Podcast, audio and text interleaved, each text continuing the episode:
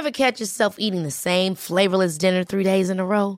Dreaming of something better? Well, HelloFresh is your guilt-free dream come true, baby. It's me, Kiki Palmer.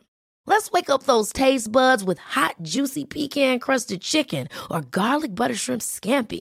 Mm. Hello Fresh. Stop dreaming of all the delicious possibilities and dig in at HelloFresh.com. Let's get this dinner party started.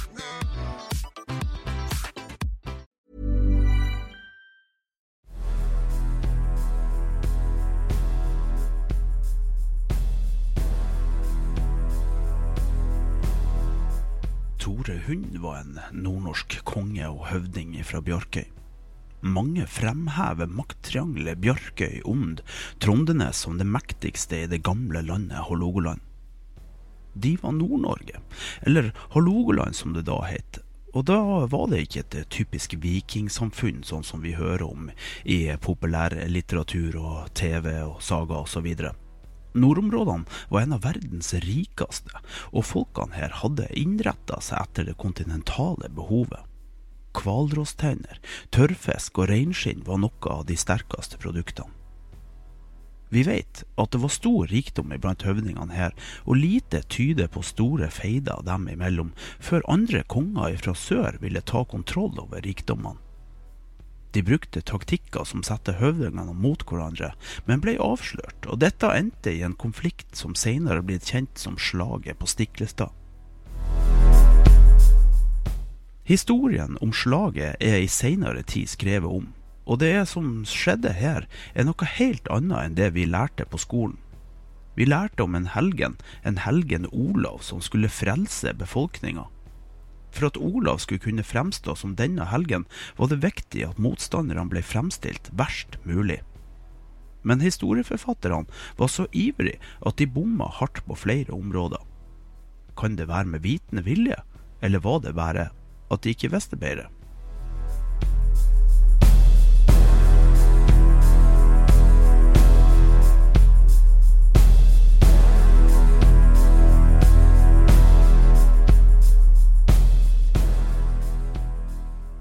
Den aller verste historieforfalskninga er nok den om at Olav var en helgen, for det var han slett ikke. Han var nok det vi ville kalle en skikkelig god gammeldags barbar. Han plyndra og drap med øksa i ene handa og korset i andre. Akkurat sånn som han er gjengitt i vestveggen på Nidaroskatedralen. For det andre så var det den fremstillinga at det nordnorske folket som var så barbarisk og dyrisk folk som levde i pakt med djevelen. Særlig to myter tilknytta Tore Hund ble født i denne historieforfalskninga. Den første er nok navnet. I historien så sies det han kjemper tappert for å være en hund, og refererer spottende til at Tore ble oppkalt etter en hund. Men den ekte historien om navnet er heller usikker. Det er både nevnt at navnet er kommet av fornorska avlegger av det gamle Odin-navnet.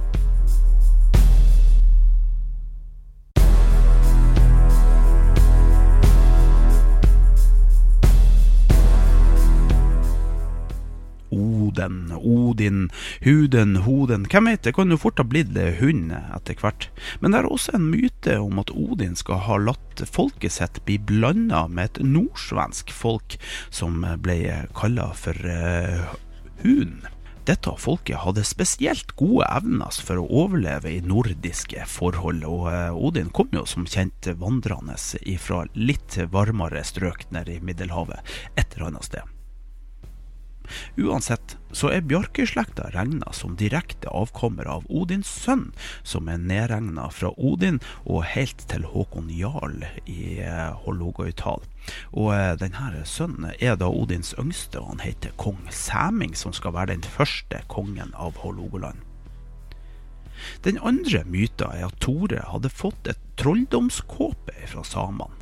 Denne trolldommen var ikke noe annet enn et reinskinn, og fibrene fra skinnet til rein er god beskyttelse mot piler og hugg.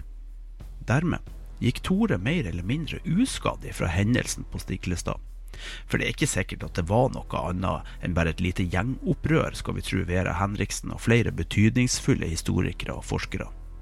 Tore skal ifølge Snorre ha skada handa på Stiklestad, og så fått en dråpe blod av Olav. Denne dråpen skal ha lega såret til Tore. Men det her, det var da lenger ikke trolldom, men det var et bevis på at Olav var hellig. Merkelig hvordan historien utspiller seg. Etter dette så blir Tore, ifølge Snorre, da, overbevist om at Olav er hellig, og han reiser til Jerusalem. Jeg har mine tvil om at dette var frivillig, og jeg vil gjerne se bevis for det. Olavs etterfølgere fører personlig vandetta mot de nordnorske høvdingene, og vi ser at høvdingshetten forlates. Hårek fra Kjøtta, som også er nevnt i forbindelse med Stikkelstad, blir snik snikmorda, og flere andre høvdinger havner på Island eller blir drept. Men Tores slekt fortsetter å være en del av Nord-Norgesveldet, eller Norgesveldets sterkeste familie.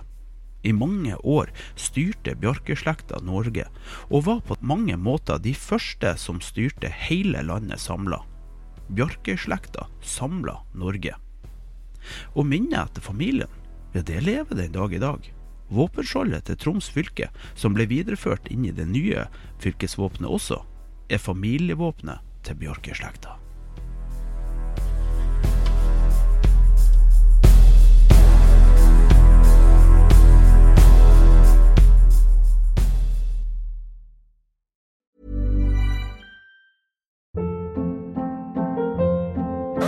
Hold up. What was that? Boring. No flavor. That was as bad as those leftovers you ate all week. Kiki Palmer here, and it's time to say hello to something fresh and guilt-free. Hello Fresh. Jazz up dinner with pecan-crusted chicken or garlic butter shrimp scampi. Now that's music to my mouth. Hello Fresh. Let's get this dinner party started. Discover all the delicious possibilities at hellofresh.com.